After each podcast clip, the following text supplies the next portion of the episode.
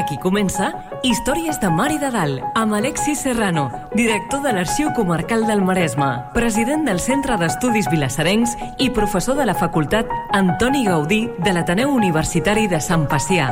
Un programa sobre el nostre passat, les històries, les tradicions, els personatges i el patrimoni de Vilassar de Mar.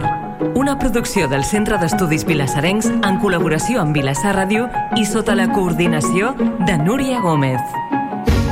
La comunitat de Santa Maria de Montalegre la formen monjos contemplatius de l'Ordre de la Cartoixa, fundada per Sant Bru en 1084.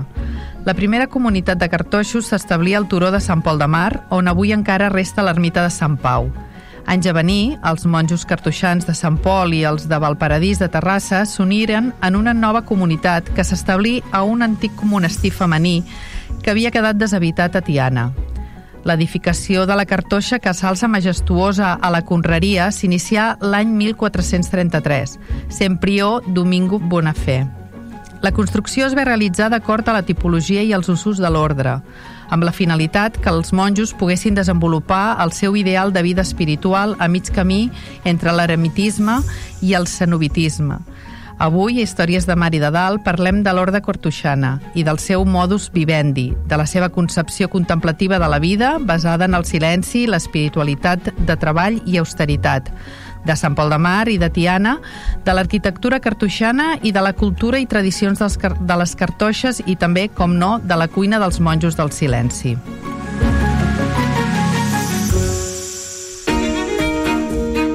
Històries de Mar i de Dalt. Entrant en matèria. Benvinguts. En el programa d'avui parlarem de la cartoixa de Montalegre amb en Xavier Pérez. I si de cas l'Alexis ens en podria fer 5 cèntims del programa d'avui. Sí, eh, avui parlem doncs, de, de l'orde cartoixà, que és un ordre religiós mm, de, catòlica, eh, que com has dit neix al segle XI i que té una, una particularitat, ja ho hem dit, està entre entre l'eremitisme i el cenobitisme. Què vol dir això? Eremitisme vol dir eh, una vida d'eremita, vol dir una persona que viu allunyada, no? com els antics pares del desert, no? una persona que viu allunyada i que no té massa relació amb la gent i que per tant no parla massa amb la gent. Això és l'eremitisme. I per l'altre costat el cenobitisme. Què vol dir? Què vol dir cenobitisme? Vol dir els que viuen en comunitat i que uh, les oracions les fan en comunitat, les, la, la missa la fan en comunitat i que tenen una part de vida comunitària. Eh, tenim, eh, els cartoixos són eh, l'orde que viu a mig camí de les dues coses de l'eremitisme i el cenobitisme. Per tant, viuen molt individualment d'una forma d'una grandíssima solitud, d'un grandíssim silenci, per això es diuen els monjos del silenci. Eh, I per l'altre costat sí que és veritat que viuen en monestirs que tenen unes, unes, unes infraestructures fetes doncs, per compartir alguns moments, bàsicament moments d'oració. I, mm, i la cosa curiosa és que no és un ordre que sigui molt popular en el llarg dels temps, és a dir, n'hi ha, hagut, ha hagut diverses de cartoixes, eh, però sí que és veritat que si mirem el nombre de, de monestirs cartoixans que hi ha hagut a Catalunya i posem al costat els monestirs benedictins, per exemple, els monjos negres, els de Montserrat, perquè ens entenguem, n'hi ha hagut molts més de benedictins que no pas, mm. o de franciscans, o de franciscans framenors caputxins, per exemple, que no pas de cartoixos, perquè la vida, la vida dels cartoixos és una vida més aviat dura ja, jo només de pensar en el silenci ja, eh, ja m'imagino que jo no seria un bon, un bon cartoixà hi ha poques abadies de cartoixans en el món, però encara hi ha menys abadies de cartoixanes al món i jo no vull fer cap mena de comentari sexista, però eh, n'hi ha encara menys, eh? eh? N'hi ha molt poquetes. Em sembla que es podrien comptar amb els dits de, de les dues mans de les cartoixes femenines que hi ha al, al planeta. Curiosament, casa nostra, al Maresme, és un territori de cartoixans, perquè ens entenguem. N'hi ha molt poques en el món, ho hem dit, però nosaltres al Maresme n'hem tingut dues o més ben dit, la mateixa que primer, com has dit, primer estaven establerts a Sant Pol, a Sant Pol de Mar, al turó que se'n diu de Sant Pol, on hi ha l'ermita de, de Sant Pol, allò era l'antic eh, eh, monestir dels cartoixans, que a partir d'un cert moment, quan es van unir a la cartoixa de Vallparadís de Terrassa, doncs van crear, es van establir a Tiana.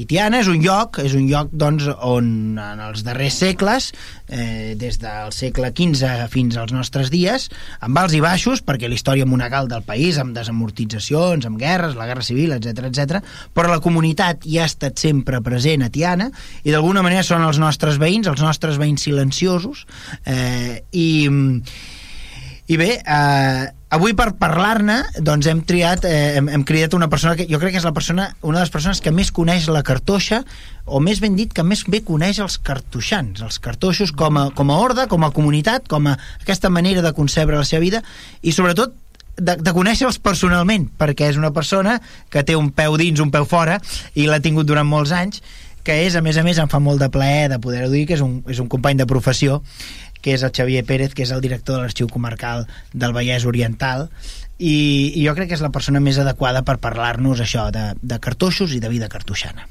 I ara coneguem el nostre convidat d'avui. Històries de Mar i de Dalt.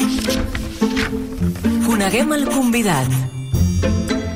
En Xavier Pérez Gómez és llicenciat en Història Medieval i màster en Arxivística per la Universitat Autònoma de Barcelona, funcionari del cos d'arxivers de la Generalitat de Catalunya, és el director de l'Arxiu Comarcal del Vallès Oriental i actualment és tresorer de l'Associació d'Amics de la Cartoixa de Montalegre i va ser fundador i secretari del Centre d'Estudis Sant Fustencs des del 1994 a 2015.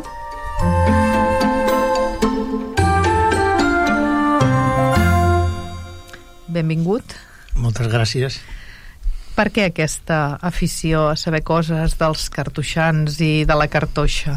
Doncs bé, primer perquè jo soc, soc de Sant Fons de Campsentelles, que és un poble del Vallès Oriental, l'últim, però tocant a Tiana, i és un poble doncs, que durant 400 anys va estar... Bueno, geogràficament estem a 5 quilòmetres de la Cartoixa, i a més a més durant 400 anys va, ser, va formar part del, del senyoriu no? de, i pagaven delmes i tal no? de, durant 400 anys pagaven delmes a la cartoixa llavors clar, aquesta afició de, per fer um, història de, del poble et porta a fer històries de la cartoixa Cartoixes eh, masculines, femenines, o sigui, la femenina heu dit aquesta de Castelló, l'Alexis deia que es podien comptar amb els dits de les, de les mans. Sí. Masculines, quantes n'hi han que estiguin en funcionament? Bueno, a Espanya n'hi ha la de Montalegre, Tiana, mm -hmm. hi ha la de Miraflores, sí?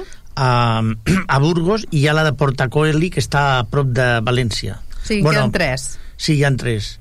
Mm. Hi, ha la, bueno, hi ha la Gran Chartres, a França, a França, bueno, la veritat que no, no estic... Però bueno, a França hi ha poder tres o quatre, mm. a Itàlia hi ha un parell, a Estats Units hi ha una, mm.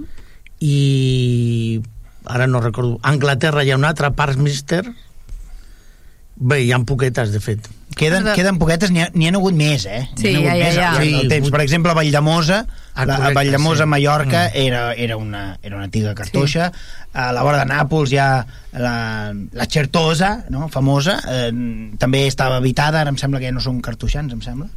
Eh, és veritat que algunes d'aquestes cases han passat a mans d'altres comunitats o se'ls ha donat altres usos o altres directament doncs, o estan en ruïna absoluta i permanent o bé s'han convertit en elements musealitzats com seria la cartoixa d'Escaladell. Ah, Molta gent que pensa en una cartoixa a Catalunya sí. pensa en Escaladell perquè és un monument de la Generalitat de Catalunya i que a poc a poc es va rehabilitant, es va restaurant però que va patir la fúria de, del foc de la desamortització i que va quedar gairebé a la ruïna i que una mica a la volta doncs, els, els els arquitectes la van tornant a posar pedra sobre pedra i, i, i aquell edifici, el d'Escaladell, permet entendre com era una vida, com era la vida dels, dels monjos cartoixans. És a dir, no podent entrar a la cartoixa de, de, la, de, la, de la conreria, doncs ens queda sempre el recurs d'anar a Escaladell, al Priorat, que jo crec que val la pena una visita, eh? Sí. I uns vinets. I... Anava a dir-te, aprofitem i fem vinets. Sí. Uh, parlava l'Alexis abans que coneixies molt la cartoixa i els cartoixans. Sí. A mi això m'ha intrigat Explica'm una bueno, mica... No és, no és fàcil d'entrar, o sigui... No, ja, ja m'ho imagino. Jo no puc entrar-hi de cap de, fet, de les maneres. De fet, jo, per exemple, l'any passat vaig anar una vegada, o sigui... Sí. Tampoc no, i a més han canviat de prior, llavors el, doncs depèn de... O sigui, és un procés que no és, no és fàcil, diguem-ne. Nosaltres perquè estem a l'associació, llavors el president sí que té més entrada, però mm, és que a més a més, clar, mm, per anar allà has de tenir una raó també, no pots anar Clar. allà, anem a fer tertúlia amb nosaltres, no, clar. No, clar, evidentment, perquè Sí. hem quedat que és una de les coses és que mm. és silenci, no? Fan vot Sí. de silenci que ni tu ni jo hi podríem ser-hi allà. No, no, no. Bueno, però parlen, eh, també. O sigui, tu Sí. si entres allà i li dius alguna cosa, ells en parlen, sí. sí, però suposo que parlar de coses, que tu deies, no? Anar allà per, per qualsevol cosa, no? Vull dir que hi has d'anar amb, amb algun motiu, si no per parlar, Mm. per parlar, no ells... Per exemple, ells tenen una mica de l'arxiu, el Sí. 90% de la documentació Mm. es troba a l'arxiu de Corona d'Aragó, Sí. però eh, ells encara tenen uns, una quanta documentació allà Sí, i jo, doncs, a vegades he anat a consultar, no? Llavors, clar, amb aquesta, doncs, mm, per aquesta raó, doncs, si ells et donen permís, doncs pots anar a consultar, sí. què, què, què hi trobaríem amb, amb el seu arxiu? Què, què hi ha allà, vull dir... Bueno, hi ha coses de quan ells estaven allà a l'època mm, més potenta, del, del 1415 fins al 1835, Mhm. tot de cap breus, Sí? Bueno, Cap Breus ja sap el- l'Alexis, que Sí, no sé si la Però gent ho sap. expliquem-ho. Ja m'expliquem-ho, vinga. Eh, Els llibres de capbreus, mm. les capbreus són les declaracions que fan els pagesos que reconeixen quins són els, els, els senyors o els propietaris d'aquelles terres i sota quin mm, sota quina fórmula tu, pagès, treballes aquelles terres. Mhm. Llavors tu declares si les terres són teves pròpies o si són d'un altre senyor i en quina relació i quines són les extensions d'aquesta terra, per tant les afrontacions que tenen i sobretot eh, quina relació tens tu amb el senyor, si és el propietari eminent o té la tinença útil o si tu ets un, un, un, un, pagès que, com els que apareixen a la documentació que són propis, solius i afocats vol dir que són Mm. plens propietaris de la, de la terra algun dia haurem d'explicar això més, Sí. eh, de, amb més deteniment perquè la, la propietat a l'edat mitjana és una cosa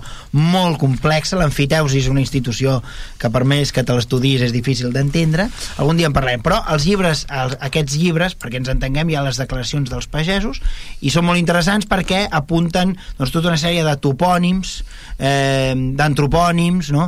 eh, i per tant ens, ens ajuden a conèixer el territori que ens envolta no? o més ben dit que envolta el monestir i d'alguna manera podem fer una història eminentment rural del nostre passat no? en Mhm. època doncs, medieval i moderna perquè bàsicament els capbreus són com una base de dades de l'època medieval i moderna perquè ens entenguem Val. Llavors ells tenen els de...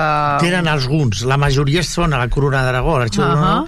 però és que encara tenen alguns, tenen alguns pergamins, documentació en paper, i per exemple, el que és interessant d'explicar que els pobles que pagaven Delma, el Delma és la dècima decena part de la collita, diguem-ne, una part se la quedava el rector i, les altres parts es, se les enduien, diguem-ne, se les emportaven per diverses compres o acords als senyors feudals o els monestirs. Llavors, els pobles que pagaven delmes a la cartoixa Montalegre durant 400 anys, alguns durant 300, van ser Tiana mateix, mm. després Sant Fos, que està allà al costat, Martorelles, Santa Perpètua del Mogó, del Vallès Occidental, i llavors aquí a, al Maresme també tenien Cabrera de Mar. Cabrera, fins i tot ells tenien una casa com una casa de, pròpia d'ells a Cabrera, en la qual els pagesos portaven el, la part de la barema i el part del blat que, que havien de pagar. Uh -huh. A part d'això, eh, perquè la dècima o, o, o el delma es pagava amb espècie Val, no, no amb moneda No amb monedes. Mm. majoritàriament amb espècies Llavors, a part d'això, hi havia alguns que no pagaven una part de la collita proporcional, sinó pagaven censos. Llavors, de censos, per exemple, hi ha, a part d'aquells, de la part aquella de Tiana, Sant Fos, Martorella, Santa Perpètua, pagaven molta, molts, mm, bastants pagesos del Maresme.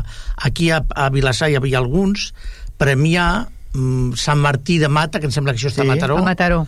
surten, eh, en canvi, censos, que era una cosa molt puntual, no eren tots els pagesos, sinó alguns puntuals, al Maresme hi havia molts que pagaven, a Badalona també, a Badalona, per exemple, tenien el Marram, que era una masia molt gran, també tenien, a Santa Perpètua tenien un, la, la Moguda, que es diu, que és, o Mogoda, que és una, una granja molt important, però bueno, a través d'aquests llibres dels capbreus i llibres de censos, fins i tot pots reconstruir doncs, els pagesos que hi havien en un poble, en, un, en una parròquia que es deia en aquell moment, en un determinat moment. La cosa Val. interessant de pagar un cens, Sí. de més ben dit, de monetaritzar un cens, és a dir, imagina que a mi em correspon pagar de cens, no? una pensió, no? jo em toca pagar anualment, no? una pensió, al cens, em toca pagar-li eh, una gallina. El gran negoci de l'època medieval, diguem-ho així, és convertir, aconseguir que el teu creditor, la persona que li has de pagar la gallina, te la deixi pagar en moneda. Bueno, què val una gallina? M'ho invento, jo què sé, 5 euros. No? Val. M'ho invento ara, eh? 5 euros. O 3 lliures, 3 sous i 3 diners. Va, eh, val això, molt bé. Mm, jo acordo amb tu que cada any et pagaré 3 lliures, 3 sous i 3 diners. Aquest any és un, és un paston, són molts diners. L'any que ve segurament també, i l'altre també, i, i costa pagar, eh? 3 lliures, 3 sous i 3 diners, potser. Però el teu fill, eh, que ha heretat el mas, o aquella finca, aquella peça de terra, el teu fill també ha de pagar 3 sous, 3 lliures i 3 diners, i el teu net també. I a partir de, de la quarta generació, pagar 3 lliures, 3 sous i 3 diners, perquè el preu de la vida va pujant i el, i el preu del diner puja, tu has de seguir pagant unes pensions eh, o, o uns, o uns, eh, uh, uns censos que semblen de joguina, però eh, cada any has d'anar a pagar als monjos això. El gran negoci és això, perquè una gallina sempre val el que val una gallina.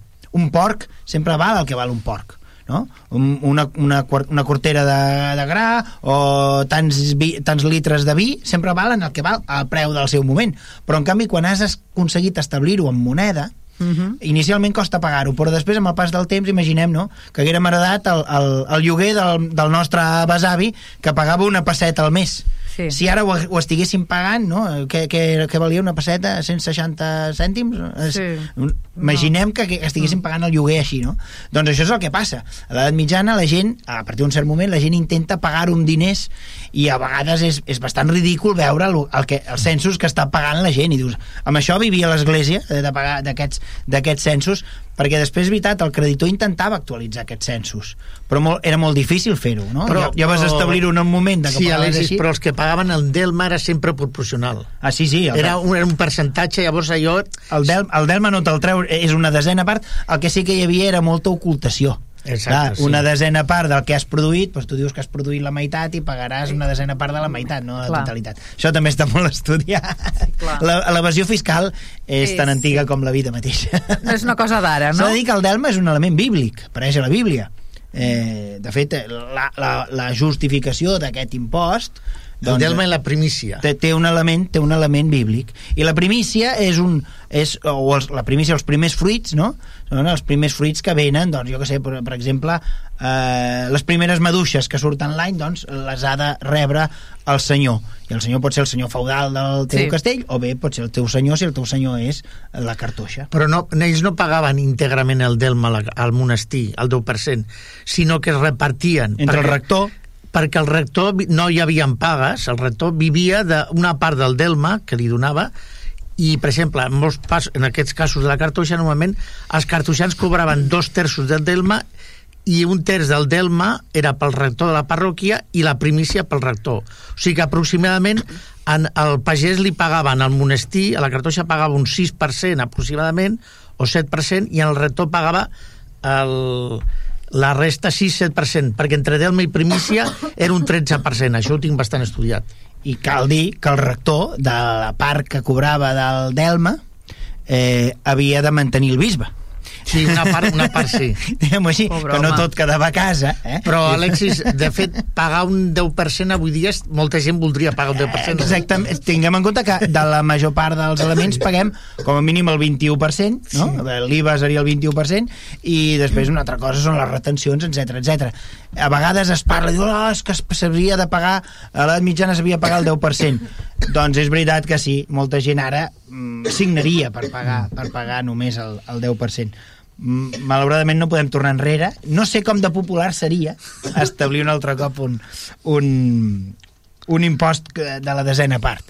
El que és interessant, jo crec que, i, i que val la pena que avui en parlem, és d'això que dèiem, del modus vivendi d'aquests monjos d'aquests monjos cartoixos, que és una manera de viure molt diferent a la que s'acostuma a veure a les pel·lícules, no? No sé si la gent ha vist, per exemple, El nombre de la rosa, Sí. i veu aquells monjos que són benedictins, o que són els que estem acostumats a veure a la tele, no? els de Montserrat, doncs els cartoixos fan una vida molt diferent. Eh, jo voldria que parléssim com seria un dia normal d'un cartoix. Bé, a veure, el primer que hem de dir és que els, els, el, la cartoixa, com tu ja saps, Alexis, va néixer a finals del segle XI i, de fet, eh, forma part...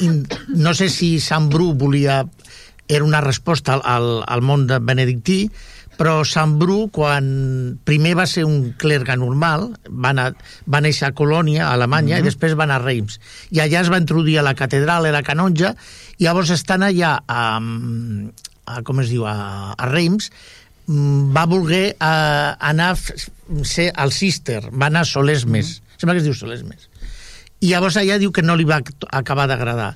Llavors, bueno, tu ja saps que tant el Cister com de fet la cartoixa són... Mm, jo penso que poder ells no, no, eren, no eren conscients de fer-ho així, però era com una resposta a una mica la degradació dels benedictins, que, bueno, aquestes pel·lícules de que es veu el nom de la rosa, hi ha, bueno, uns, uns, uns, Uns monjos. monjos que jalaven quantitat, que menjaven molt, amb unes panxes bastant grosses i tal. Bueno, Sí. sí. fem una caricatura, però bueno. Llavors, clar, això era una mica, doncs, allunyat del... La realitat és que els benedictins havien rebut molts privilegis ja des d'època Mm. Bueno, carolíngia Sí. i, i vivien, diguem que no feien una vida massa de pobresa Mm. i, i el mateix, aquells mateixos privilegis que havien heredat d'època carolíngia, els reis posteriors no els hi discuteixen, és més, es van ampliant, no? Mm. I segurament sí, la, la cartoixa i els cister són elements que d'alguna manera són, són un naixement reactiu, no? Davant d'aquella... Com una renovació del monacat, sí. no agradava i llavors Mm. hi ha aquesta renovació. Després vindran els franciscans, que faran una altra renovació també, basada en la pobresa, la proximitat a la gent, però clar, també molt diferent, perquè els franciscans diuen hem d'estar amb la gent. I en canvi, els, eh, tant el cister com els cartoixos el que busquen és, d'alguna manera, és emular la vella idea dels pares del desert, no? de viure allunyats del món per poder viure en plenitud doncs, l'oració, el silenci, etc etc. Però jo voldria, insisteixo, voldria que parléssim de, eh, de com és un dia, un dia qualsevol. Dels, Bé, doncs, dels cartoixos. eh, ells, ells lleven a, aproximadament a quarts de set, fan molta vida de, a la cel·la, diguem-ne, perquè són ermitans que viuen en comunitat, no? Llavors allà fan la primera la primera oració, que són els, els, els laudes, no?, a la cel·la, després van a la, a la missa conventual, que és a les 8 aproximadament, i llavors ja després es retiren no? cap a les, ja a les 10 o així, 10 i mitja, cap a cadascú a la seva cel·la i mm, fan el, bueno, l'oració i tal, a les 12 fan el menjar que es fa cada dia, el dinar, es fa cadascú a la seva cel·la i llavors, bueno, fan pregària, oració i cap allà a les 6 fan el, les vespres que van, surten una altra vegada i van al, el que es diuen al cor que és a l'església i allà fan amb cant gregorià, fan pregàries i tal després es tornen a retirar cap a les 7, cap a la seva cel·la, que és una caseta, com una petita casa, diguem-ne, i allà doncs ja tornen a resar una mica, a fer una mica d'estudi, i llavors se'n van a dormir cap a les 8. Per tant, la seva feina és resar. O Sí. sigui, aquesta gent no Bueno, treballa en... No, bueno, Bueno, no, hi ha- només, no només. Ah, Hi ha els germans, perquè hi ha dos tipus de monjos. Ah. Els, el monjo cartoixà, monjo, o que se li diuen pare, que és, és sacerdot, eh, que pot fer missa, i llavors hi ha els germans, que són el que deien els llecs, els legos, que són monjos que no, no en tenen estudis eclesiàstics o no són sacerdots, i llavors aquests més aviat són els que fan la feina de... Un és el porter, l'altre és el, El cuiner. el cuiner, que jo vaig conèixer l'últim cuiner de Montalegre, que és des de fa 5 anys la cuina, el menjar se'ls hi fa un... perquè ja són molt grans, bueno, hi ha un que és més jove, un monjo, però la cuina els hi fa un, un cuiner professional, que ve de fora, però doncs el cuiner, el que, el que feia de sastre, l'hortolà, el que portava l'hort, o sigui, aquests són els monjos que no tenen, els que fan més feines físiques, diguem-ne, no? Val. Llavors, els monjos de, que són pares, o sigui, són sacerdots, són els que viuen, um, fan més vida d'oració a la cel·la. Clar. val. O sigui, O sigui, tenen... que ja estan dividides les N'hi ha, funcions. n'hi ha dos tipus, Sí. doncs, de, Sí, els de que abans se'n deien els, els coristes, no? Els pares Sí. sí. coristes, els pares del coro, no? Mm. Aquests, els que, que són, diguem-ho així, són els que viuen en aquest... fan més vida eremítica, que estan en aquestes casetes, unes casetes, si algú, insisteixo, eh, farien bé de visitar, si no ho han fet, eh, Escaladell, perquè hi ha alguna una restaurada plenament i es veu com eren aquestes cases, unes casetes molt petites, però em sembla que són de planta i pis i tenen un petit hort, no? Eh, és important en el, en el ram de la cartoixa que molts d'ells tenen, a més a més, algun ofici. Eh, fan alguna feina, feien alguna feina manual, no? Hi havia el que treballava la fusta, el que enquadernava llibres, feien aquests, aquests oficis dins, mm. però sempre tancats en aquestes, en aquestes cel·les, que aquí insisteixo són com unes, com unes casetes. Uh -huh. És molt curiós, per exemple, els cartoixos, i podem comentar, per exemple, què passa quan es mor un cartoix. No? Bueno, sí, doncs, bueno, l'enterren, evidentment, no? Fan un, un, com un ofici, una, una missa, unes exèquies, vols dir com, com l'enterren? Com l'enterren, com l'enterren. Bueno, l'enterren, diguem-ne, clar, com l'ordre és tan rigorista tan rigorista i tan vol la senzillesa i tal, l'enterren sense cap taüt sense cap caixa, diguem-ne, directament al terra, eh, obren un forat i l'enterren i vestit de monjo amb, el, amb la caputxa posada així a la, a la cara, diguem-ne, i llavors el fiquen directament eh, sense cap mena de taüt ni res, al terra. Directament a terra. Sí. Tradicionalment el que es feia era es cosien les mànigues de, de l'hàbit, perquè de la manera que quedessin les mans dins de l'hàbit, es cosia la caputxa de l'hàbit perquè quedés la cara dins de la caputxa, i la part baixa de l'hàbit de, de l'hàbit també es cosia per baix perquè quedessin els peus dins, es posava sobre un tauló, es deixava caure i caigués el cos com caigués perquè és, el que és important és l'ànima, no el cos. I una mica, doncs, per reformar això, llavors els, els cartoixos, dins del, hi ha un dels claustres, no?, eh, que és el cementiri, i allà, doncs, cauen els morts, com cauen. I llavors, clar, en aqu algunes d'aquestes cartoixes que s'han excavat arqueològicament, doncs s'han trobat els ossos doncs, no. de les persones eh, com cauen, com, com la gravetat els fa caure, no? Cosa molt curiosa, perquè estem acostumats a que la gent doncs, els posem sí. en una postura una mica una mica, no sé... No sé si Més cuidat. Mm, sí, buscada, buscada. I fins i tot, o sigui, no hi ha una, una làpida amb, amb el nom. Hi ha una creu que sense nom. Llavors el que fa l'encarregat, l'arxiver o l'encarregat d'això, el monjo, és diu, a la fossa número 3 hi ha el, el monjo tal, però a vegades hi ha un sobre l'altre, saps? Aprofitar. Perquè sí. no és massa important el cos. Com Clar. que no és massa important el cos, es menja poc, es dejuna molt, es menja molt poca carn, sobretot eh, la major part dels dies... No, no mengen carn, no, està prohibit. Això, no mengen carn. No, no. O sigui, són vegetarians.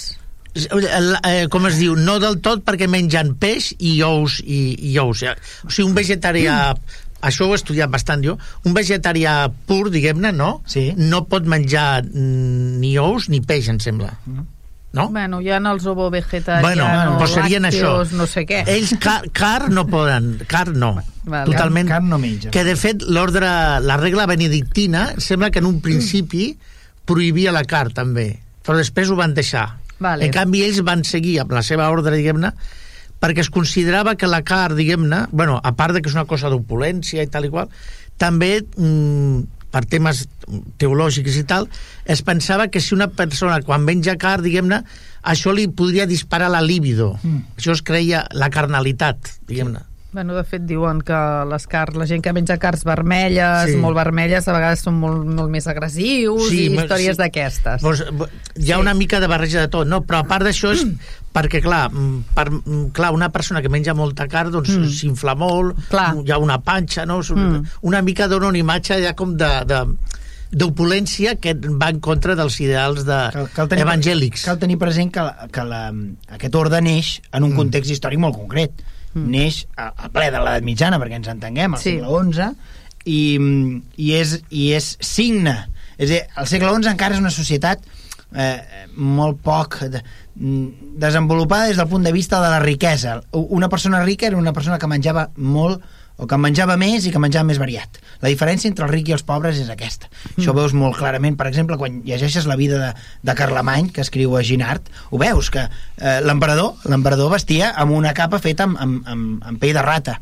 Vull dir que l'emperador vestia amb una capa de pell de rata, no? Eh, vol dir que la gent vivia és a dir, que no hi havia massa diferència entre els rics i els pobres. Aquesta era una, no, no era una societat igualitària, eh, no era una societat democràtica, però sí igualitària. És a dir, no hi havia mm. massa diferència entre els molt rics i els, i els molt pobres. Hi havia una massa mitja. Eh? I el, una, un dels elements que feia... Que, que, que la gent que tenia possibles doncs, eh, era un estatus símbol era el consum de carn. Sí Llavors, eh, fins i tot aquella gent que consumia carn els dies de magre, doncs pagant, doncs podia mm. tenir el dret a, a, a, a menjar carn els dies de magre. Mm. I per això un d'aquests elements reactius no, que busquen aquests monjos rigoristes, doncs, eh, doncs és això, eh, dir, nosaltres no menjarem carn. I és veritat i no és veritat, no? perquè quan estan malalts, què mengen? Ah, bueno. Mm, Poden menjar carn de, de tortuga. Ah, mira. Però de fet, sí, perquè consideraven que no és ni un peix ni una... Ni una Però la tortuga no és barata, que no és, eh? No, però de fet ara això ja no es fa. Ah. El que passa que a la cartoixa de Montalegre sí que hi havia encara ja la bassa de les tortugues. Ah, a que les criaven ells. Les criaven ells. A vegades, i jo he trobat amb la documentació que una de les feines que estic fent, que em portarà tota la vida el que em quedi, diguem-ne, és buidar tots els llibres de contes que estan de la cartoixa, del procurador Conré, que estan a l'arxiu de Corona d'Aragó, i és, és molt, molt entretingut, però compraven tortugues, o sigui, que és, és, realment sí que consumien, i això es donava quan, sobretot en forma, en feien caldo, sobretot pels malalts i tal. Val. Eh? Perquè, Perquè, perquè no era ni, ni carn ni, Ni ni peix. i peix sí que en menjaven, hem dit. Sí. Després un altre element interessant és com conservaven els ous per, per impedir, que sabeu que, els, que el- la closca de l'ou és porosa és molt porosa. i, el, i els ous es fan malbé per Sí. oxidació, com gairebé Sí. tots els elements. Doncs per impedir l'oxi- l'oxidació, aquests monjos cartoixans, que eren, eren antics però molt llestos, eh, el que sabien és que si s'encalaven els ous, doncs impedien la putrefacció dels ous i els podien guardar durant Uns quants dies més, no? Bastants dies. De fet, consumia molts ous, peix i ous. Per exemple, hi ha un, un plet molt curiós amb, entre la cartoixa Montalegre i el... Això, Alexis, no sé si ho has llegit en els meus llibres i tal. Al 1625 aproximadament va haver-hi un plet entre l'Ajuntament de Mataró, el, en aquell moment es deia el Consell Municipal, o no recordo el nom, Sí, la universitat. i la cartoixa perquè van obtenir del rei Felip III, em sembla, com una mena de privilegi, que ells tenien dret en no sé quantes llegües a la rodona, incloia la, i que estava inclòs la part de Mataró, de, els representants dels monjos de la cartoixa de Montalegre a Tiana podien anar a la platja i quan arribaven els pescadors tenien prim, eh, com un privilegi d'ells ser els primers que podien comprar en els pescadors. Mm. Llavors, l'Ajuntament de Mataró es va queixar, va iniciar un plet, i ara no recordo com va acabar, em sembla que van arribar a un pacte, però clar, deien que això anava en contra dels privilegis del, del municipi. Però era com una mena de, de privilegi que es va donar al rei Felip III, per, i quan anaven als mercats, sobre- em sembla que anaven molt a Granollers i a Barcelona, i a, tot, també tenien preeminència per comprar ous, ous i peix. Val. Llavors això comportava conflictes. Això poca gent sap, però quan fas una truita francesa de dos ous, Sí, estàs fent què? Una truita cartoixana.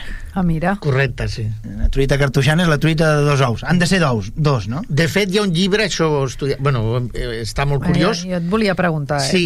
Sobre coses d'aquestes. Digues, digues. I ha de ser una truita de, és a la, com a la francesa, va de dos o tres ous, no? I abans, és curiós perquè abans del 1800, a la invasió napoleònica, hi ha un llibre de cuina de 1650, em sembla fet a Castella, que diu la tortilla cartujana, i tu mires i és la truita francesa. Llavors, no sé sa quan es va començar a dir truita a la francesa, però abans es deia truita cartoixana perquè ells feien molts ous, feien una mena de, com es diu, huevos revueltos, com es diu? Mm, remenat. ous remenats eh, hi, eh, hi ha molt hi ha un, al, a la Biblioteca de Catalunya hi ha un, com una mena d'informe de l'estat de la cartoixa que és, inclou un receptari hi ha tot el que menjaven molts dies, eh, cada dia, bueno, cada dia no, però molts, hi ha tota mena de receptes, hi ha molts ous, hi ha uns ous trinxats amb tomàquet també, eh, la truita cartoixana que ha dit l'Alexis, ha, tenien una mena de mandonguilles però que no eren de car, era mm, peix trinxat, pinyons, panses... Eh, bueno, la, la, la recepta és bastant complexa, cigrons, tot... tra- eh, I es deien boles de Pasqua. Mm. Eh, també tenien... Una altra cosa curiosa és que només durant l'estiu... No, perdona, des de mitjans de setembre i fins a, fins a Setmana Santa, durant sis mesos i mig, només reben, mm, dinen un cop al dia, que és al migdia. A les 12 els reparteixen el, el Ni menjar esmorzar ni sopar. ni esmorzar ni sopar. El que passa que es guarden una mica de pa o alguna pel vespre. Això ja t'ho diuen ells i ja, ja està escrit, no? I, bueno, doncs, clar, has d'aguantar amb, amb un dinar tot el dia amb un menjar, o sigui, amb un àpat, no? Però a l'hivern sí que tenen un... Des de mitjans de setembre fins a Setmana Santa tenen un petit sopar. O sigui, aquesta, aquests sis mesos de- d'un menjar diari és a primavera i a l'estiu. Val, que, que sues més i tens més set i menys gana al final, eh? Sí. Vull dir que també És, normal. és una vida dura, eh? Sí, no, no, no, no. És jo, una els vida hi, dura. jo els hi regalo, eh? Eh, Sí, no. per això hi ha, bueno, a tot arreu hi ha pocs monjos, perquè a Montserrat, per exemple, últimament han baixat molt, no sé si eren 80 fa 20 anys, ara són no sé quants, Sí, sí. 50. Sabem quan n'hi ha aquí Ara aquí hi ha la 10 Cartoixa? monjos, 10 i dos familiars que diuen que els familiars no vol dir que siguin família d'ells, sinó que és un familiar és, és un, o un seglar o una persona que pot ser eclesiàstica però que viu amb ells. Vale, vale. En aquest cas és el porter, bueno, Mm. un senyor que és que treballa, que és seglar, diguem-ne, no, Sí. no religiós, però viu amb ells, i l'altre és un bisbe de Venezuela que està amb ells, està com... per- Té Com retirat. Està com retirat per, per, bueno, té un permís del seu bisbe, i és el que surt ara més, surt, fa missa en unes, en unes monges de Tiana, i té una mica més el contacte amb el món exterior. Per tant, hi ha dos que podrien moure's, diguéssim, el Sí. porter i aquest, i després els deu que són els que resen. Sí, que alguns són principi, eh? germans i altres són sacerdots. Sí. Vale, vale, vale. El més jove deu tenir uns 40 i pico d'anys. Ui, tan Sí. jove i... Sí, sí. Mare meva. Pensava I que la- n'hi havia d'aquestes... Sí, no, deu tenir uns 40. I després, però la majoria són de 70, 80, hi ha uns quants de 90, perquè una altra cosa molt curiosa Mm. és que tenen una vida, i tenien fama ja antigament, si això està estudiat, una vida, com, com es diu, molt longeva, molt... Sí. Home, amb aquesta alimentació... Menjar poc... Mm. i no menjaven carn, i Clar. això s'ha fet estudis, no menjant carn, diguem-ne, s'ha fet estudis, ara avui dia, per exemple, una persona que fa 90 anys no crida tant l'atenció. No. Però fa 100 anys o 150 o fa 200... Ja es preguntava el per què. Clar. Clar, Clar. perquè la majoria de gent moria als 40-50 anys. En mm. canvi, ells aguantaven molt. Perquè, bueno, se suposa que era primer perquè la vida porta una vida molt reglada, amb pocs censurs, no? Una, amb Poc estrès. poc estrès, sí, això. Quan tens una vida organitzada, Sí. tens menys estrès. Uns horaris molt no, estrictes. No vol dir que estiguin ociosos, No, no, però no, ells no. saben que cada dia és el Sí. mateix i això no genera sobresaltos. Eh? Llavors el cor no peta. Bueno, i que, i que possiblement tampoc feien una vida molt esgotadora, vull dir, no fa sobreesforços... Bueno, i la dieta, que, o la sigui, per exemple, ara estan fer, sortint no? molt, per exemple, no sé si heu sentit parlar de Carla Zaplana, que és molt famosa, una dietista catalana, ara ha sortit un, un, un bioquímic o, o metge, no recordo que és italià, que està als Estats Units, i parla de l'ayuno intermitente, això és Ah, molt sí, famós. sí, pues això de fa moda. 800 anys que ho fan ells. Intermittent faster o alguna així, no? Li. Sí. Sí, que diu que això prolonga la, la, la o sigui, Sí, perllonga sí, la està vida. molt de No, moda, el ara, que sí que és veritat és que de gras no n'hi ha cap, no? No, amb aquesta no, home, alimentació. clar. No, Però, més aviat... pobrets. Sí, pues clar, el- per exemple, els divendres, tots els divendres fan dejuni, o sigui, pa i aigua. Després, clar, si tu només menges un cop al dia, Mm. Estàs pràcticament moltes hores sense, sense ingesta de menjar. Clar, això es veu que s'ha bueno, que dic, que es guarden una mica de papa al vespre i tal, no? Però això està comprovat, això ho diuen els metges aquests, que una persona que menja poc i d'una forma molt regulada i tal, es veu que pel cos això et va molt bé. Bueno, clar, se te s'encongeix l'estómac i necessites Sí. menys menjar. Jo Ja. moriria, eh? També t'ho dic, eh? Jo moriria Ah, de no. pena. De pena jo moriria de pena. Bueno, perquè saps una cosa? La il·lusió d'arribar a casa i un bon sopar. I o- tant. Eh, això no... El que m'agrada cuinar. Jo Imagina. pensava, quan vaig llegir lo de la cuina, vaig dir, hosti, tu ja veuràs, ara prendré alguna recepta fantàstica Més i aviat no. meravellosa. Sí, bueno, jo tinc un llibre de co co co cocina cartujana publicat per una editorial de Sevilla fa Sí. dos anys que recullo receptes d'ells, diguem-ne, però la majoria són molt senzilles, però bueno, és molt curiós. Bueno, no, no cal que sigui complicada la cuina, eh? Jo tampoc vull ser... Treballava molt amb les salses. Les salses són Sí. molt importants. En aquest llibre recullo, per exemple, la, una salsa cartoixana que es deia, que era base de ceba i pastanaga. Mm. -hmm. Hi ha una altra que ella, en català li deien, la, el, ells monjos de Montalegre li deien el xarop. El xarop és una salsa molt líquida a base de, de vi blanc, vinagre i mel. Perquè jo anava a dir l'alcohol, perquè molts monestirs Sí, eh, no. s'alimenten de cervesa, per exemple, no? En el, la, Mm, sí. l'edat mitjana i tal. Ells beuen alcohol Sí, o... beuen vi. Norma- vi. La tradició és beure vi. Val. Normalment també ho he estudiat perquè amb, amb els llibres de contes es pot veure els monjos que eren i els treballadors i, i el i consum, perquè ells ho apuntaven tot, el consum de vi que feien i normalment be, bevien mig litro de vi al, al, al dia.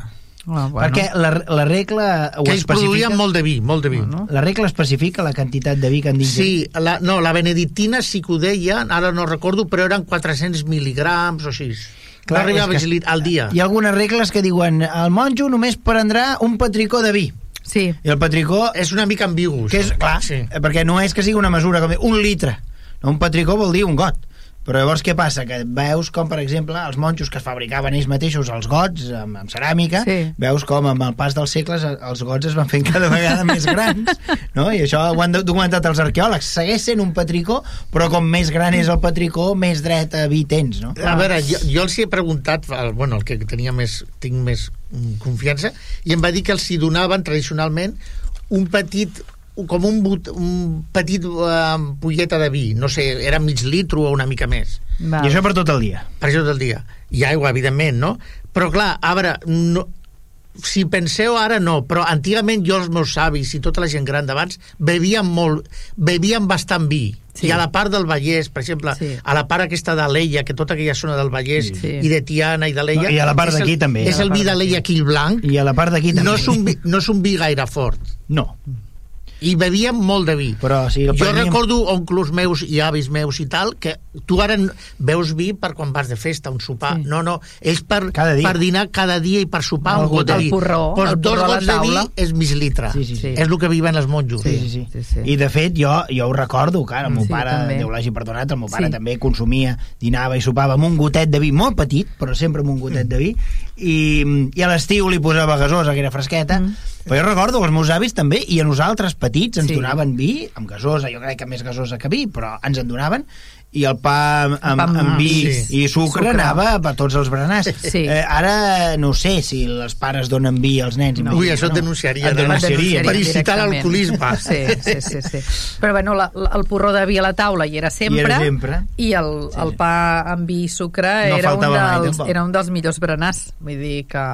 pues això, de, de, en qüestió de dinars, les salses, llavors feien també unes picades, saps les típiques picades? Això està molt estudiat, molt amb ametlles, amb avellanes, amb oli, amb pas... O sigui, les salses les feien anar bastant, perquè clar, com era un, un menjar bastant senzill, s'havia de condimentar. Clar, I les salses eren calòriques, perquè, Sí. clar, si poses fruits secs, Sí. clar, si tu estàs menjant peix, Sí. doncs el que, ho has de ho has d'acompanyar d'una altra manera. Mm. Mm. Eh, I jo insisteixo, eren antics però no tontos. No, no, no, no, no això està I si vivien tants eh? anys és que no, és que en sabien. Sí, sí, sí, ho I feien després bé. també moltes farinetes, que avui dia això s'ha perdut també. Mhm. Moltes de les receptes feien també el que es deia el manjar blanc, com menjar blanc, Mhm. que era amb, amb o sigui, farina de, de, i també d'arròs, o sigui, feien moltes farinetes també. Mhm. Que la farineta, la, les gatxes, que es diu en castellà, no sé si us heu tastat, però abans es menja, la meva família que pobre de l'Aragó, de la part de Terol, una zona molt freda i tal,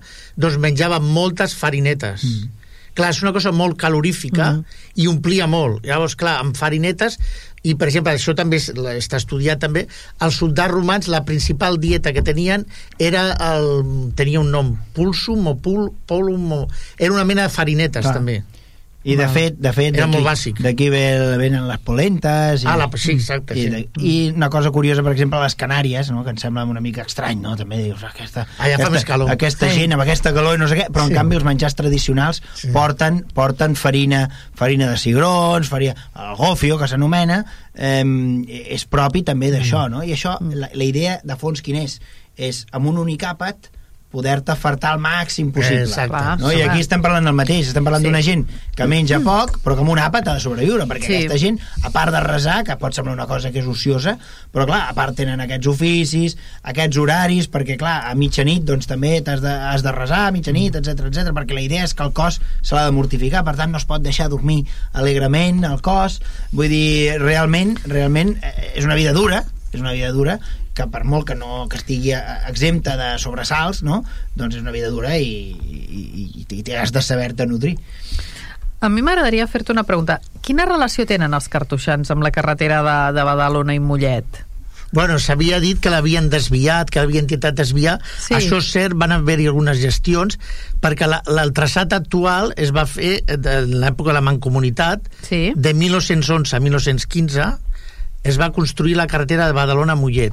Sí. Llavors, quan es va, eh, es va construir, de, sempre deien que ells havien aconseguit desviar-la. Jo mira la documentació de la prefectura de carreteres, o sigui, la jefatura provincial de carreteres, perquè la va construir l'Estat, aquella carretera, el que està a l'Arxiu Nacional de Catalunya, i ells, mentre es va construir, no va, per escrit no es va presentar cap al·legació. No es va presentar. Però sí, al cap de 10 anys, en l'època de Primo de Rivera, um, van fer moltes gestions que fins i tot a l'avantguàrdia surt diu el, el prior ha ido a ver al, al, prim, a, al general Primo de Rivera i coincideix amb, amb unes gestions que ells sí que van fer perquè van, quan estava feta es van donar compte que mm, la carretera els molestava, que va portar molta gent a la part de la conreria, es van començar a fer a la part de Sant Fos tot aquells xalets, aquelles urbanitzacions, que en, en, és de les primeres urbanitzacions que es va fer a, l'Estat, diguem-ne, llavors, clar, ells es van trobar que estaven que clar, que a, tenien la carretera que portava turisme, excursionisme i llavors van voler desviar-la. Però no van aconseguir, almenys jo no, no, però sí que van fer moltes gestions. Llavors, el que finalment els hi van recomanar és que plantessin tot d'arbres al Val. voltant. Quan ells van arribar, perquè després de, de, de la desamortització de Mendizábal, 1835, ells van recomprar la cartoixa en 1860, però no es van tornar a instal·lar fins a 1899 el 1901 ja van inaugurar l'església, i llavors tota aquella zona, i des d'antic, estava envoltada de vinyes. Llavors, clar, si tu estàs a la conreria, que estàs a dalt, sí. i al voltant, amb les vinyes veus de seguida el monestir. En canvi, van començar ja els monjos francesos que van venir de França, perquè els van, els van fer fora de la, de la Chartres de França, el govern, 1901, van venir a bona part aquí a Montalegre, ja a partir de 1910 van començar a plantar tot de pins, van aïllar-ho, van aïllar el monestir, perquè en part no van aconseguir desviar la carretera. Val. No, la carretera però van fer, van fer gestions molt intenses perquè està documentat. Va, però, la, però ja quan un cop ja estava fet, no, sí. no abans. Abans per escrit jo no ho he trobat. Poder van fer alguna gestió, va ser verbalment. Mm. Però el que està, sí, i fins i tot el Ministeri els va acceptar en 1900 29-30, però llavors es va de declarar la república i va quedar tot aturat. I llavors van començar a plantar pins amb, ja que ja havien començat abans, mm -hmm. però la solució, com que no van poder desviar-la, al sí. final ja van dir, bueno, plantem tot de pins al voltant... I deixis d'alguna manera ens amaguem, no? Ens amaguem, sí. Val, val, parlem val. de la guerra. Hem arribat als anys 30, parlem sí. de la guerra. Mm. Vinga.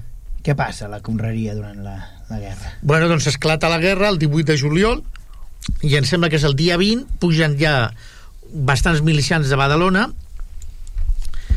eh, i els volen detenir. Però molts, o sigui, com els avisen uns de Tiana els avisen van, van tu Alexis la saps, ho saps el detall diguem-ne. Bueno, sí, no? eh, però explica-la. Sí, fugen cap a dalt cap a l'encorreria però a dalt els detenen. Llavors els, arriben els, els milicians a dalt i llavors els fan baixar en, en una mena de processó i llavors van matant a, primer al prior maten a 4 o 5 pel camí.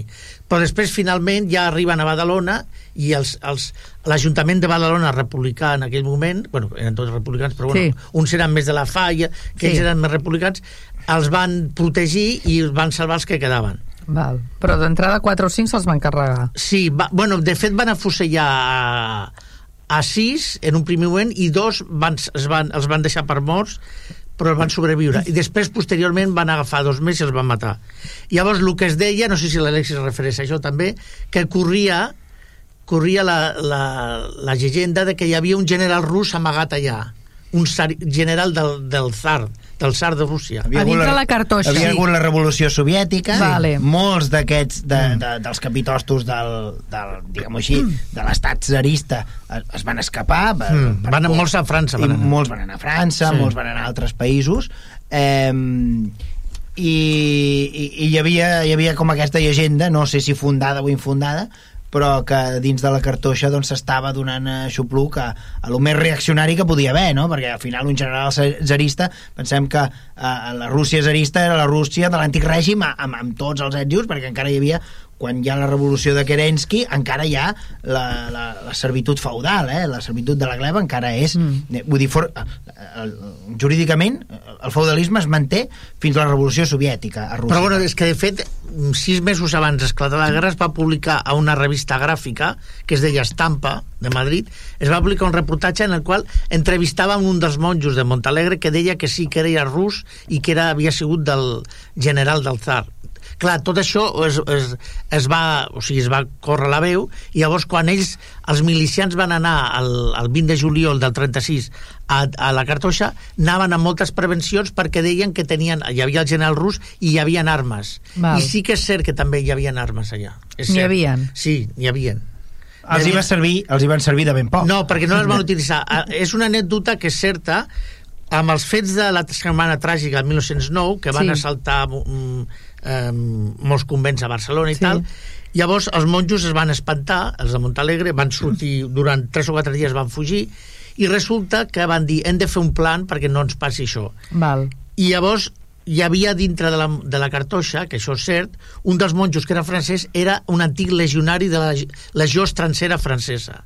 I va dir, mira, jo vaig, jo vaig, jo vaig estar a França a la legió, Sí. legió estrangera, i diu, podem comprar uns, uns... I sí, van comprar amb el permís del governador civil de Barcelona, o governador militar, no recordo, i van comprar alguns fusells. Val. Però això va ser l'any 9. Però eh, al cap de 30 anys ni ho sabien que els tenien, els tenien amagats allà. Val. O sigui que corrien rumors que en part tenien una certa... Sí, hi havia una certa Un veritat, però... Però ells no van, no van fer-ho servir perquè, entre altres parts, mm. altres raons, havien passat quasi 30 anys i alguns no sabien ni on era això. De fet, van fugir tots corrents. La realitat és que van morir molts, eh, els altres van haver d'escapar. Mm. Durant el que va quedar de la guerra, de l'edifici va estar Va ser un hospital. va ser Un hospital militar. obert de, Mm. eh, va estar sotmès als saquejos Mm. i la realitat és que l'any 39 no? tornen, 39, els, sí. tornen els monjos molts d'ells un altre cop de França no? Mm. són, són els Bueno, alguns. alguns venen de França Mm. i, es, eh, i es comença a restaurar la cartoixa, que és la cartoixa que coneixem ara, que inicialment bona part de la comunitat era, era francesa, i hi havia aquell historiador, com es deia? Xaricot. Xaricot. Irené Jaricot, sí, un gran historiador que era d'origen... Que, clar, els cartoixans, diguem-ne, no és un ordre que ha tingut um, gaires intel·lectuals. Els beneditins sí que són més intel·lectuals. De fet, Montserrat tenen historiadors, tenen filòlegs. Ells és una ordre més senzilla, més dedicada a l'oració, i, de fet, Jaricot havia sigut benedictí abans que cartoixà. Vaja. Val. Vaja. Sí, que ells, canviar. que ells mateixos diuen, per això... És, bueno, Per això és un broma. intel·lectual, no? Sí, perquè ells tenen una tendència... Home, han tingut escriptors, però més aviat de coses teològiques i no, no són gaire... No, tenen, no és una ordre amb gaires grans intel·lectuals. Hi ha, hi ha un registre dels, dels monjos que Sí. hi han format part, de qui són, d'on venen i Sí, sí, tot? sí. Hi ha un, aquest monjo que diu l'Alexis, Sí. Irené Jaricot, que era francès, Mm. és un gran historiador, va, va viure des de mil, aproximadament 1890 fins a 19, 1972, i ha fet, això ara, bueno, està ja a l'arxiu de Cartoixa, uns mecanoscrits, molta història, m- és un, ha fet molt, i una de les coses que es té és un registre molt detallat de tots els monjos pràcticament des de 1415 fins, fins a primers del segle XX, en tot no eren eh, quan van professar, quan van entrar, Val. professar vol dir entrar, Sí, sí, Sí, sí, es pot, amb un 90% es pot saber. Val. O sigui que sí que, tot i que el cos no sigui res, sí que porten un control d'aquell cos que entra allà a estar Ah, sí, no, la temporada, no? I l'arxiu, no, l'arxiu anotaven tot. El, el cos no importa, però el monjo sí. El monjo Que sí. és viu, sí. Val. Una altra cosa, eh, clar, aquesta gent hem dit que són gent que, que bàsicament estan en, en solitud, eh, tenen pa, em, estones que d'allò, però eh, solen tenir gent que hi va passar temporades doncs, amb ells No, no, no. no, no tenen convidats, diguéssim No, el van els familiars de tant en tant, segons la regla, cada sis, els seus estatuts cada sis mesos, però alguns van més, tenen una estatgeria exterior i una interior, i allà van però no, no és una ordre que, així com per exemple amb altres, altres monestirs Mm. que pots anar allà a passar uns dies, no, és no... allò que diguessis, mira, ha vingut no sé qui de pas i s'ha quedat aquí una, Bueno, uns dies i... Eh, per exemple, el, el bisbe Irurita, el Sí. sí. famós bisbe Irurita, es veu que anava per Setmana Santa, li agradava molt anar-hi, i alguns bisbes actuals es veu que han anat mm, algunes vegades. Suposo que els bisbes sí que els deixen Sí. entrar. Sí. O un sacerdot. El jefe no li dius que Bueno, no. eh? clar. Sí. Però, Però, vull dir, no sé, una persona que no sigui un bisbe, per dir-ho servidor ho tindria No. molt pelut. No, Però no. jo ja no t'ho explico, eh? Així és com a, Mon- a Montserrat o altres Sí. monestirs, pots anar allà i fins i tot hi ha gent que va estudiar oposicions, no? O va, necessita un estudi. Un servidor va preparar les oposicions allà. Ah, sí? Sí, sí, a Montserrat. A Montserrat. Sí. En canvi, aquests no, no, és, no és una ordre així, no. Ah, una cosa curiosa que voldria comentar Sí. és que la conreria, que era la part de la granja, que des, primer va ser monestir a dalt, després van, es van posar on són ara, eh? eh, allò era com la granja, la conreria vol dir casa de conreu, i allà, a part de ser com el, el, el graner, el magatzem, el celler i tal, allà cada dia anaven molts centenars de pobres de la rodalia perquè no hi havia seguretat social i l'única... Ells sí, ells cobraven delmes i, i això, i tenien molts ingressos, de, sobretot en collites, però es presentaven cada dia, segons les cròniques, centenars de pobres, i llavors cada persona que es presentava, si era un pobre, tenia dret a un pa d'una lliura. Una lliura Ah. són, sabeu que són 400 grams. Que els pans, això de la bagueta, això és una cosa és un moderna. invent, és un invent modern. És una, abans eren sempre... Fogasses. Eren rodons. Sí. Doncs et donava... Cada pobre era un pa d'una lliura que feien els mateixos a la, a la cartoixa. Llavors, si anava una viuda, el pa era de dues o tres lliures. Val. O sigui, depenia de si... O sigui, tenien en compte si era una dona amb fills i tal. Val. Llavors, clar, cada dia anaven, es veu molta gent, llavors, Sí. clar, era de fet l'única... mm, De fet, per a la gent de Rodalies era com l'única... Assistència. La, la renda mínima vital era allà dalt. Anar, allà a veure que et donguessin alguna cosa, sí, no? sí, sí. Um, amb el tema de, de, de llegendes i coses, uh, hi ha un tema de, de... Bueno, diuen que hi ha túnels amagats o... Sí, sí, a que veure, comuniquen amb el, sí. amb el convent del costat. Sí, bueno, si féssim cas d'aquestes llegendes, tindríem el Maresme, no caldria fer un Foradat. túnel, un túnel per passar el tren, sí, perquè ja, ja tindríem... El que és cert és que hi ha molts túnels, hi ha el que diuen mines, però eren mines per l'aigua. Per, Val. Per treure l'aigua tal. Hi ha mines que van de la part de la, de la Font de les Monges, que està a la part de la conreria a Sant Fos, van fins allà, fins al monestir. Hi ha altres que baixen de la conreria fins a la Cartoixa, i s'havia dit que alguns anaven a la platja de Montgat o de Badalona, no recordo, però això és, és, això no és, no és veritat. Però sí, per exemple, l'any 36, dos o tres que van poder fugir van fugir per una mina, la mina de la vaqueria Val. però tot eren mines d'aigua, d'aquestes... Mm, o sigui, túnels sí que n'hi han. Bueno, Home, poder sí que es feien, però principalment per l'aigua. val. Se'ns està acabant el temps. Sí. No sé si hi ha alguna cosa amb tot el que hem arribat a dir que diguis aquesta gent no m'ha preguntat això o no, ens ha, no, no us he pogut explicar bueno, les llegendes, que... eh, o sigui, tradicions vinculades a la cartoixa. Sí. La primera és de les monges de Montalegre, que és un convent femení que va haver-hi al segle XIII i XIV, Sí. que era- estava a dalt, el que era la conreria, i llavors deia que un, un de, una de les monges, un dels cavallers que estaven allà al voltant, es va enamorar molt d'una d'aquelles monges. Tu la Sí. saps, aquesta? No la sé, no la sé. no? Aquesta és molt, molt tradicional. I llavors es van enamorar molt i, bueno, l'anava allà a empaitar, buscava, bueno, clar, rondava, que es deia, no? La rondava. I es veu que li va dir, diu, diu, què és el que... me-" La monja li va dir, què és el que més t'agrada de mi, del meu cos i tal? Diu, el nas. I llavors va, entra cap a dintre, agafa un ganivet i està allà al nas i li donen una safata. I l'altre, espantat, ja va, no va tornar mai més. Clar, la monja aquella va quedar desfigurada amb el nas i diu que el va, van enterrar el nas allà i d'on van enterrar el nas va sortir l'arbre dels nassos, que està allà davant del cau. Ah. Bueno, estava allà. Al restaurant. Sí, el que ara està tancat, per cert. Fa un any va tancar. I jo, jo l'he vist... Bueno, ara l'arbre original no es conserva, però és un, un arbre que té com unes flors que té de color com rosades, com un color així rosa, Sí. sí. vermell, i té, bueno, sí, has de tenir una mica d'imaginació per semblar que és un nas, però bueno, i diuen que és en, recorda... en recordança d'ai- d'aital sacrifici, segons en català antic. I diu, clar, o sigui, la dona li va dir, què és el que més t'agrada? Diu, això, vinga, fora. Pues vinga. Tallat. Au, Per i tu. deixa de molestar. Exacte, s'ha acabat la S'ha tonteria. acabat ja. Sí, però es veu que saltava la tàpia de l'or, bueno, era tremendo aquell senyor, estava enamorat, i la monja tal. I després l'altra llegenda és que el, el, poc abans de que es construís el, el, el, Sí. el monestir, va passar el papa, que no recordo un nom que era, un Joan Denea, que va ser un dels primers procuradors del monestir, que era valencià, diu que era estudiant, i tenia un amic que era italià, que estava allà amb ell a València, i no sé com van aparèixer per Barcelona, això s'ignora, i bueno, vam donar una volta per aquí, i diu que un va dir, diu, el que era fra Joan Denea, que era valencià, va dir, va, va estar allà a la conreria, va mirar baix i ui, qui- quin, quin lloc és més bonic per, per, per posar un monestir i tal.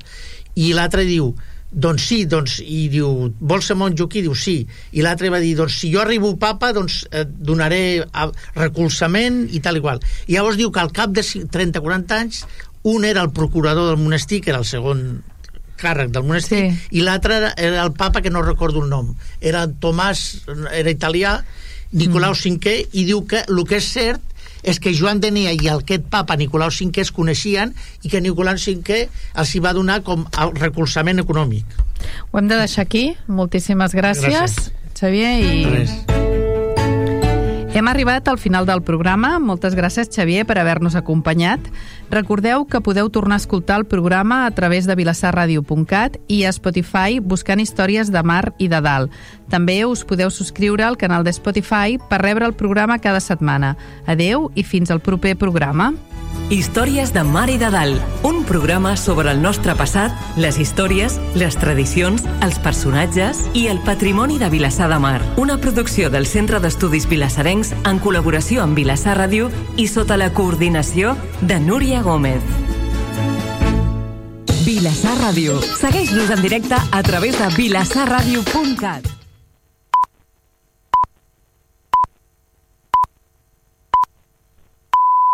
Vilassar Ràdio són les 10 de la nit.